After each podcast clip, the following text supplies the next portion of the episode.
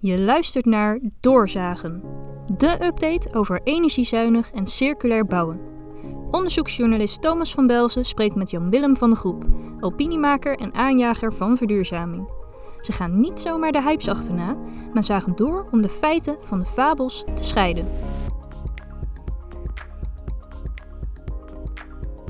Oké, dames en heren, welkom bij Doorzagen aflevering 17 alweer. Mijn naam is Tom. Nee, mijn naam is Leonie van der Steen.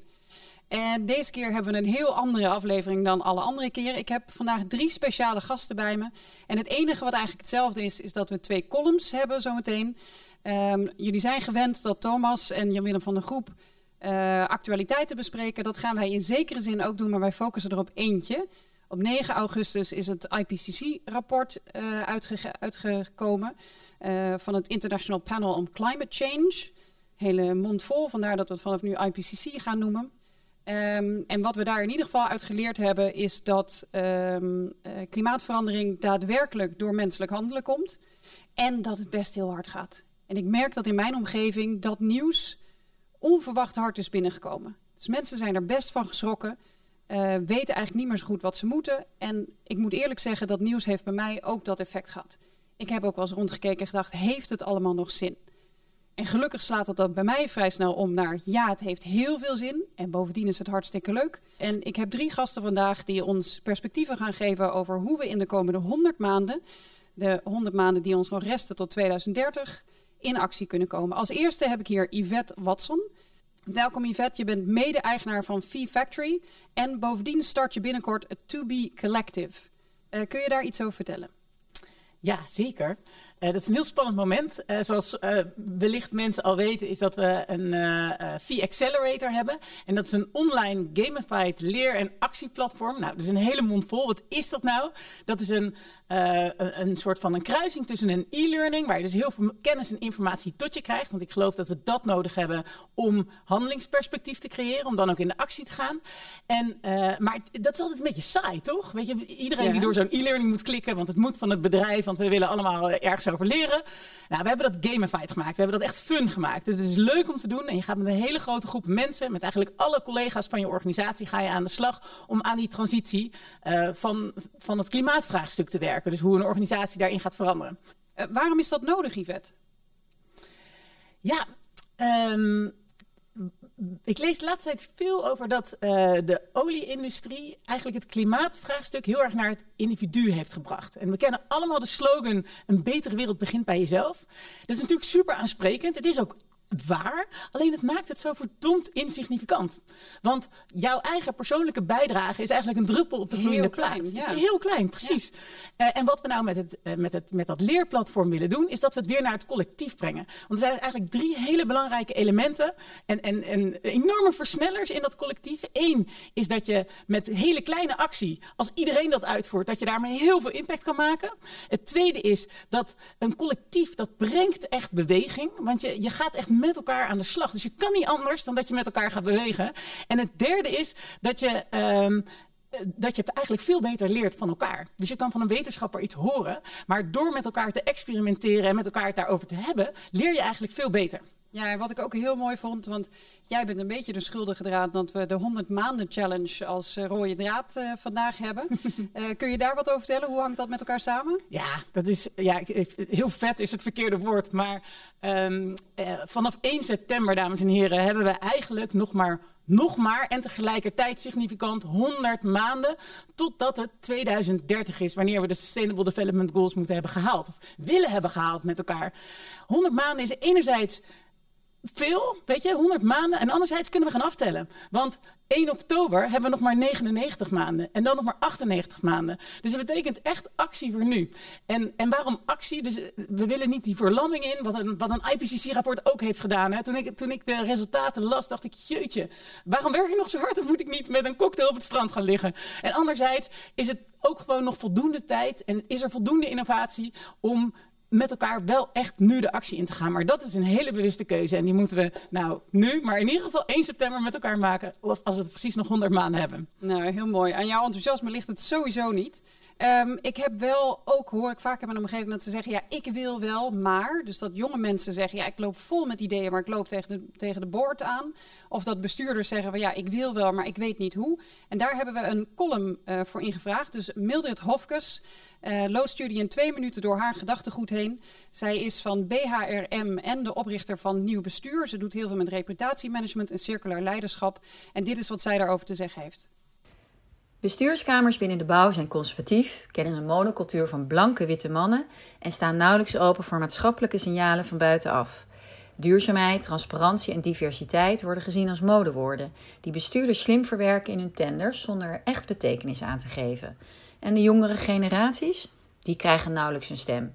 Nee, voor vernieuwing moet je niet binnen de bouw zijn. Althans, dat is de reputatie die de bouwsector al jaren heeft.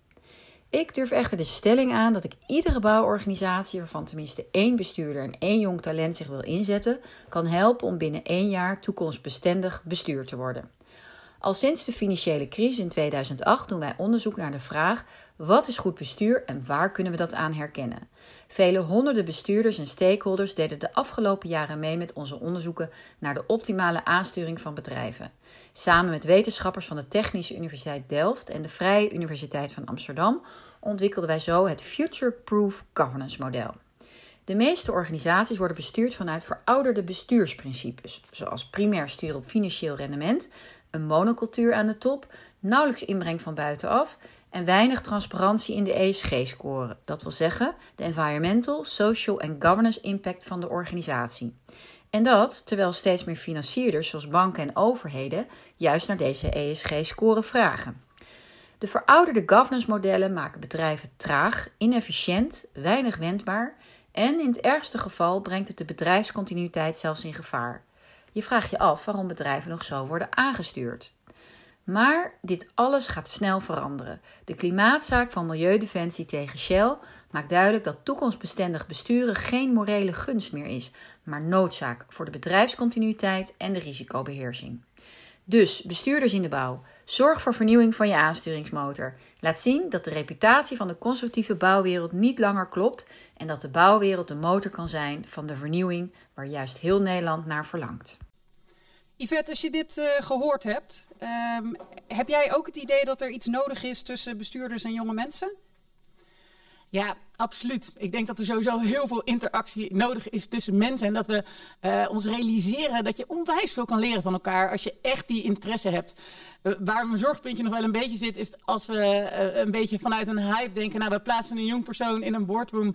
Dat die zich daar echt kan, verloren kan voelen. Omdat ik denk dat er dan vaak ook een soort van um, proces in zo'n boardroom zit, wat, waardoor een, een, een, jong professional zich minder gehoord kan, kan voelen.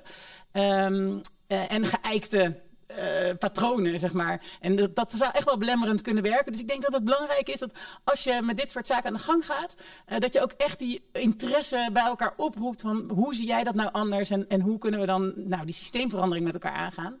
En natuurlijk niet alleen in de boardroom. Hè. Dit kan overal in de organisatie. Dus een buddyschappen tussen jong en oud, tussen verschillende culturen. Ik denk dat, dat die diversiteit heel erg belangrijk is om de complexe systeemverandering die we met elkaar moeten realiseren, ook te realiseren. Nou, heel fijn, dankjewel. En je sluit inderdaad precies aan bij wat Mildred ook zegt. Dat als je nieuwe mensen aan de boardroom zet, maar je verandert de spelregels niet, je verandert de context niet, dan verpieteren ze. En haar aanbod is dat ze in één jaar, als iemand van de boardroom en een jong professional zich weten in te zetten samen, dat binnen een jaar zo'n bedrijf futureproof is. Ik hoop dat het waar is. Volgende gast is Mariette Rutten.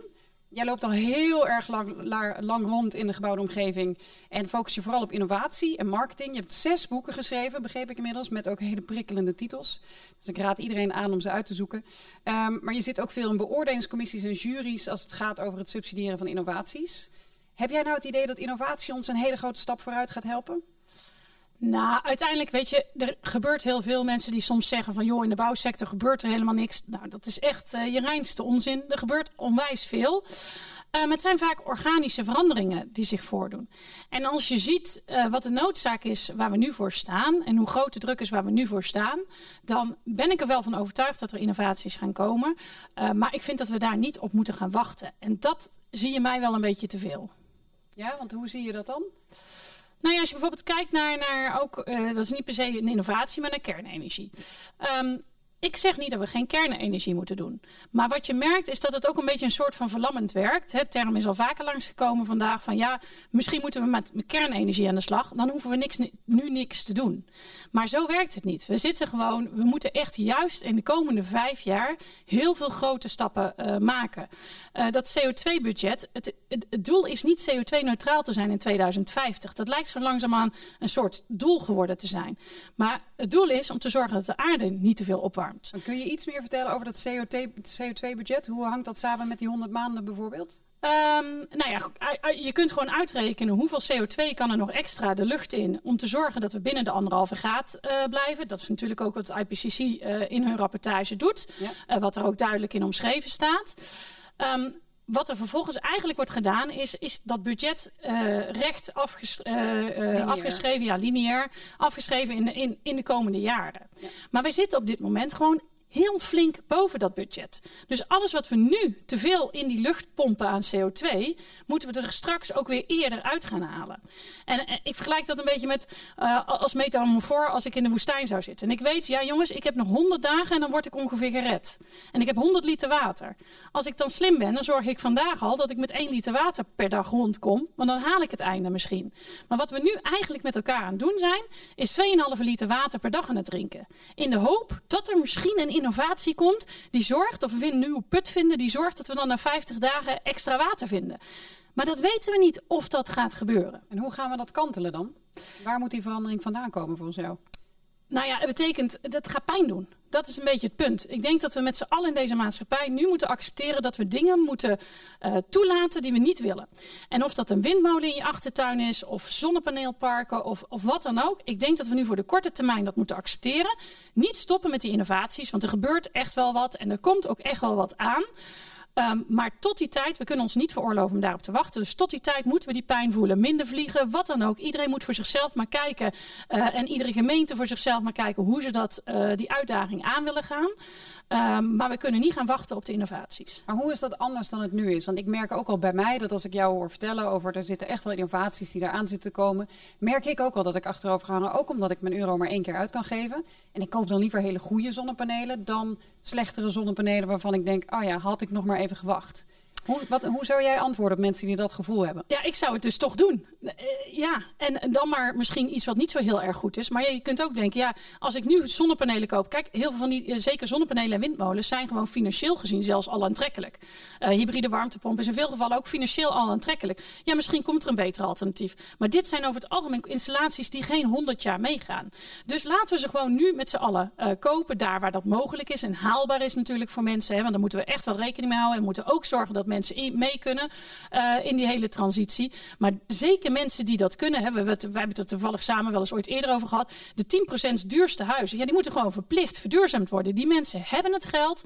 Ga aan de bak en zorg dat je het gewoon doet. En ja, misschien is er over 15 jaar iets beters. Maar ja, dan is jouw installatie alweer afgeschreven. En hij is nu al gewoon lucratief. Dus ja, dat wachten, dan moeten we gewoon weer stoppen. Nee, dat klopt. Ik herinner me ook een verhaal van een woningcorporatie die inderdaad als een van de eerste aan zonnepanelen ging. En dus nu de slechtste zonnepanelen heeft. Maar ze al zoveel langer heeft dat ze qua opbrengst toch hoger uit zijn gekomen. Ja. Dus zij zijn toch de lachende, lachende eerste. Ja, zeker. Dus ik ga gewoon doen. En wat ik ook vaak hoor is dat er uh, uh, veel meegestribbeld wordt. Volgens mij is dat een van de woorden van deze zomer. Meestribbelen aan de top. Hoe zie jij dat? Ja, uh, ik weet je wat denk ik het probleem is? Uh, het is? Het is best wel een complex vraagstuk. En er zijn wel mensen die willen. Maar er zijn ook gewoon best wel veel mensen die alleen willen als het rond te rekenen is. Als het om het financiële plaatje gaat. En dat betekent dat zolang we dat financiële plaatje niet sluitend hebben, heel veel mensen gewoon eigenlijk misschien in woord wel zeggen dat ze willen, maar dat besluit niet durven te nemen. Omdat ze niet tegen aandeelhouders, tegen raad van commissarissen of, of tegen zichzelf uh, dat niet uh, rechtgebreid krijgen. Dus dan zijn we toch afhankelijk van uh, de overheid. Dan is het dus vooral te hopen dat de overheid niet gaat zitten meestribbelen, maar de overheid gewoon echt keiharde maatregelen gaat nemen, ook als dat impopulaire maatregelen zijn. Heel goed. Waar zou jij het initiatief leggen? Ligt dat nou bij dus de luisteraar die denkt straks ik wil wat gaan doen? Gaat hij iets in zijn eigen leven doen, dus als particulier? Gaat hij iets als werknemer doen? Wat zou jij hem aanraden? Ja, het is echt en, en, en. Want we hebben al die kleine beetjes nodig om te zorgen dat we het gaan redden. Dus als particulier kun je wat doen. Ga gewoon je eigen CO2-budget uitrekenen. Stel jezelf een doel. Probeer het iets omlaag te brengen. Uh, uh, lever daarin waar je zegt van nou, weet je, het levert uh, mijn levensgenot misschien, he, hou ik zoveel mogelijk in stand. Maar daar kan ik echt wel wat missen. Ga als bedrijf kijken, want nu zijn het vooral toch de grote bedrijven. Meer dan 250 medewerkers, meer dan 50 miljoen die hebben best wel wat verplichtingen om die CO2 in kaart te brengen en om daar ook maatregelen voor te nemen. Maar ook als je kleiner bent dan dat, dan kun je zo onwijs veel impact maken. Dus kijk daar gewoon eens naar. Wat is de impact die je kunt maken? Wat zijn de zaken die jij nu morgen op kunt pakken? En de overheid, ja, daar moet in de formatie echt wat gaan gebeuren. En er moeten echt hele uh, ja, straffe keuzes worden gemaakt om te zorgen dat we met z'n allen ook een klein beetje moeten. Ja, dus we zoeken eigenlijk politici die impopulair durven te zijn. Ja, politici die eigenlijk zeggen: het maakt me geen reet uit of ik over vier jaar herkozen word. Als het maar geregeld is. Nou, laten we ernaar gaan zoeken. Misschien is dat wel een leuke rubriek om te suggereren aan uh, Thomas en Jan-Willem. Om regelmatig in de podcast iemand te vieren die in die maand een grote stap heeft gezet. En zoals Mariette zegt, en, en, en. Dus dat mag particulier zijn, dat mag met je bedrijf zijn. Dat mag als starter zijn, als, uh, als boardroom uh, mens. Um, maar volgens mij is dat een mooie om regelmatig aandacht te houden voor die 100 maanden. Suze, fijn dat je er bent. Suze GM, oprichter van Groene Grachten, alweer negen jaar geleden zag ik.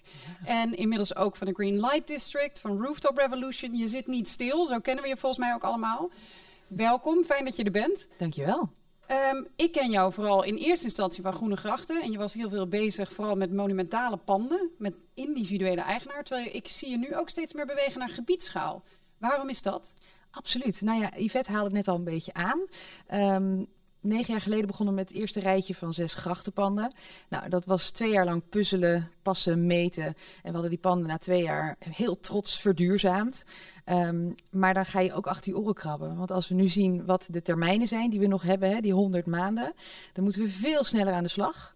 En uh, gelukkig, als je al negen jaar bezig bent met allerlei verschillende type gebouwen, of het nou forten zijn, of musea, of theaters, of kerken, of woningen, dan ga je natuurlijk van alles leren. En als we dat slim doen, dan kunnen we natuurlijk veel sneller al die pandeigenaren helpen, of die gebouwbeheerders, of wie dat dan ook is, de initiatiefnemer. Um, dus op die manier proberen we nu veel meer communities in beweging te krijgen. Dus als we tien stolboerderijen hebben geadviseerd, dan is het heel makkelijk om de elfde te gaan helpen. Terwijl die eerste keer was het toch wel even echt zoeken naar de goede oplossingen. Nou, op die manier zijn we bezig met communities van, uh, van musea, van culturele instellingen. En um, ja, dat is veel leuker, want dan kun je die kennis ook uitwisselen met elkaar. Dan kun je samen veel meer schaal maken. Of het nou een uh, concrete inkoopactie is, of het is de kennisuitwisseling. Hoe doe je dat met je theaterlampen? Noem maar op. Hè. Het zijn vaak zulke specifieke oplossingen die we zoeken. En het is vaak heel fijn als een ander het al een keertje gedaan heeft. Uh, en nou ja, we weten allemaal het effect als je buren zonnepanelen hebben. Nou, dan word je zelf ook wel nog veel sneller geenthousiasmeerd om het ook te gaan doen. Want je hoort het van iemand die je meteen hè, relateert aan je eigen situatie. Dus op die manier zijn we veel meer bezig met, met, met groepen mensen om die in beweging te krijgen en samen die impact te maken. Nou, wat ik in ieder geval heel leuk vind, is dat jij op zo'n positieve manier ook praat over leren. Want ja. te vaak zie je in de bouwsector nog wel dat we proberen om vooral te doen alsof de eerste keer het beste was. En dat is het eigenlijk nooit, maar daar hoeven we dan niet over te vertellen. Dus ik nee. vind dat in ieder geval al een hele mooie boodschap en, die je tussen de regels door. Nou ja, en dat moest ook wel. Ik ben industrieel ontwerper. Ik heb geen bouwkunde gestudeerd. Inmiddels heb ik een team met allemaal bouwvisie, met, met werktuigbouwers bouwers in onze, in onze club. Um, Wubbe Okkels, waarmee ik samen de Groene Gracht oprichten, uh, uh, astronaut. we hebben het alle twee ook moeten leren. Ja. En alles is te leren. Als je het maar hè, met positieve energie benadert en, en je erin vastbijt. En uiteindelijk ja, zijn er gewoon heel veel dingen mogelijk. En dat is ook precies wat Mariette aanhaalt. Er is, natuurlijk komt er nog veel meer innovatie. Ik bedoel, kunnen we, dat, dat is een gegeven. Maar er is nu al heel veel mogelijk. Dus alles wat al bedacht is, dat moeten we nu met veel grotere snelheid gaan implementeren. Want het kan al. En dat, daar, daar raak ik af en toe wel gefrustreerd hoor. Want ik, ik word ook echt diep ja, want droevig als ik al die rapporten zie. Ja, dat zou mijn um, volgende vraag zijn. Hoe blijf je dan positief? Heeft het op jou hetzelfde effect als dat het in eerste instantie op mij had? Nou ja, het leuke, absoluut hoor. Als ik, en ook als ik bepaalde films weer zie, dan denk ik, oh jeetje, ik doe niet genoeg. En het moet allemaal veel sneller. Um, maar we zijn al wel in beweging. Hè, waar het dus negen jaar geleden nog echt uh, heel spannend was om een paar grachtenpanden te verduurzamen. Doen we dat nu op hele grote schaal. Hè, van, de, van duurzaam funderingsherstel aan toe. Maar ook dat begint zich zoveel sneller te ontwikkelen. Dus er worden nu hele kaders Waarbij dus de kaders als energiebron voor de toekomst kunnen dienen.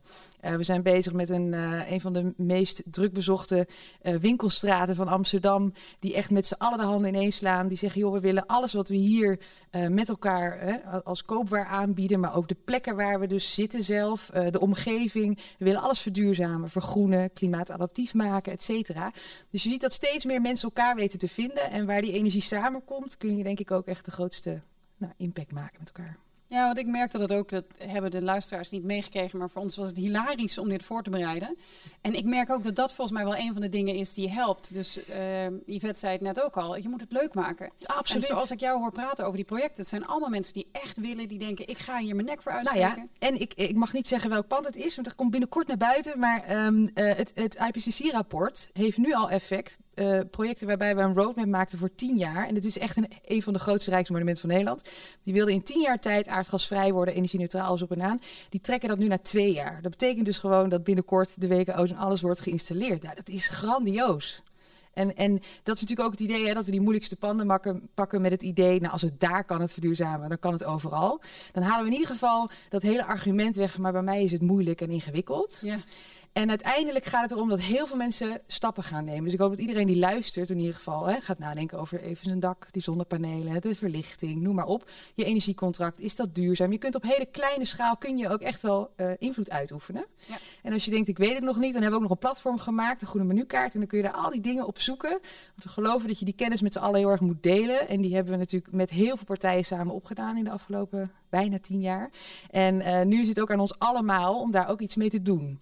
Dus dat handelingsperspectief, wat ook al eerder aan bod kwam, dat is gewoon super belangrijk. Ja, want het is wel een grappige, want jij begon inderdaad over die monumenten en dat is heel erg maatwerk. Je ja. hebt het nu ook weer over uitzonderingsprojecten om dat argument weg te halen van het kan niet. Het kan zeker als je jou maar belt. Ja. En jouw collega's uiteraard. En, en heel veel andere mensen, mensen inmiddels. Ja, ja precies, precies.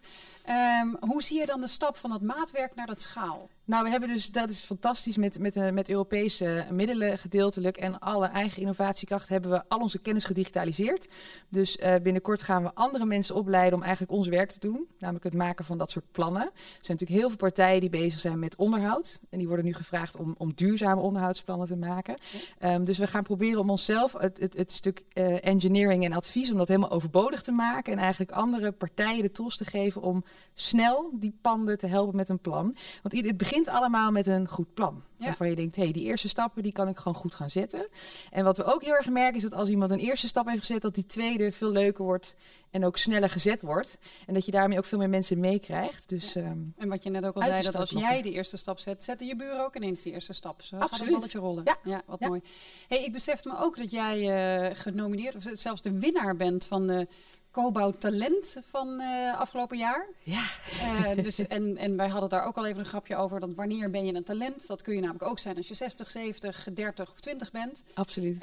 Um, heb jij een advies aan bestuurders? Want jij bent zelf een bestuurder, maar je bent ook nog een jongere volgens deze, deze prijs.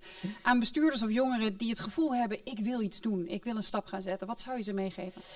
Um, uit de startblokken gewoon dingen gaan aanpakken en doen. En fouten die mag je maken. Het is allemaal heel cliché hè, wat ik ja, nu zeg. Maar ja. tegelijkertijd, het is heel wel waar. zo. Wij hebben het ook allemaal maar ondervonden. En we komen de problemen onder job tegen. Ja, het, het collectieve warmtesysteem wat we in de hele Oosterpark plantagebuurt willen installeren. Ja, dat hebben we ook nog niet allemaal uitgedacht. Maar we zijn het wel nu al aan het, hè, aan het doen. Terwijl we nog dingen moeten onderzoeken. Dus ik denk uh, dat je uh, uh, goede initiatieven in je organisatie moet belonen. Talent is niet iets, hè, dat, dat wordt vaak dan bijvoorbeeld op mij geplakt als jong talent. Maar um, talent zit bij ons in de hele organisatie. Iedereen draagt daaraan bij. Dus alle vernieuwingen, ook binnen de organisatie zelf, die komen vanuit het initiatief van de mensen. Dus omarm dat, geef dat ruimte en, en durf ook een beetje. Ik bedoel, we zijn zo nuchter als Hollanders. En uh, mogen best een beetje meer pitten en een beetje meer... Uh, de briljante mislukkingen ja. ook ze nu dan vieren. Ja, absoluut. Een, een prachtig absoluut. Credo. Ja. Dankjewel, Suze. Het laatste woord is overigens aan Lianda Scherps komen. Uh, zij heeft uh, een column ingesproken en jij zei net uit de startblokken. Uh, zij legt de lat nog iets hoger. Zij zegt: ga voor die gouden medaille. Lianda is manager business development bij RC Panels, maar ook programmamanager strategisch wijkoverleg bij Stroomversnelling. heeft ook haar sporen verdiend in de bouw. En dit is wat zij te zeggen heeft. Bij deze, het einde van deze speciale aflevering. Um, Jan Willem en Thomas, heel erg bedankt voor de kans die we hebben gekregen. En hopelijk smaakt het naar meer. Welkom terug van zomervakantie. Fijn hè? Zo'n paar weken wat anders dan je gewend bent. Je zou veranderen bijna leuk gaan vinden. En na een zomer vol branden, overstromingen en Olympische medailles wil zelfs Mark Rutte iets anders. Kampioen worden voor het klimaat. Maar ja, hoe doe je dat veilig voor je positie? Want de Belgische politicus Bruno Tebak zei het al: ik ken de oplossingen voor het klimaatprobleem, alleen weet ik niet hoe ik daarna nog herkozen raak. We moeten Mark dus helpen. En aan de race van Sifan Hassan zagen we dat het kan. Op het laatste stuk versnellen en winnen. Dat laatste stuk is nu. Maar onze race lijkt tot nu toe meer op de Monty Python Olympics. We rennen als hardlopers zonder richtingsgevoel verschillende kanten op. En eigenlijk houd ik niet zo van competitie. Ik denk dat we juist voor duurzaam meer nodig hebben dan rennen op testosteron en cortisol. Dat we sneller verder komen als we elkaar als teamlid zien in plaats van tegenstander. Niet getreurd, de klimaatrace is een teamsport. Met z'n allen tegen de klimaatcrisis.